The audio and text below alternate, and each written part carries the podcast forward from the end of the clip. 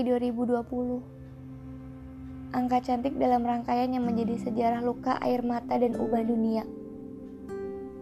Terima kasih ya, sudah memberi serta mengenalkan dimensi waktu curam sepanjang masa ini.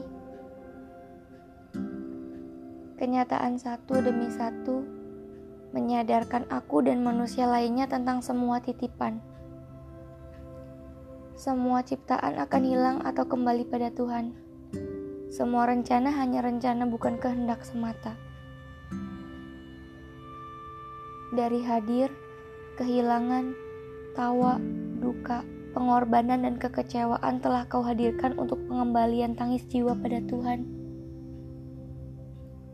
Terima kasih 2020. Telah berani kejam menyadarkan, berani mendidik tanpa menghardik, berani kasar tanpa melepas sadar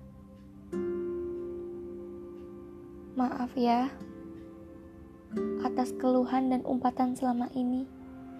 Cukup jelas jeda sabar gambaran lemah iman.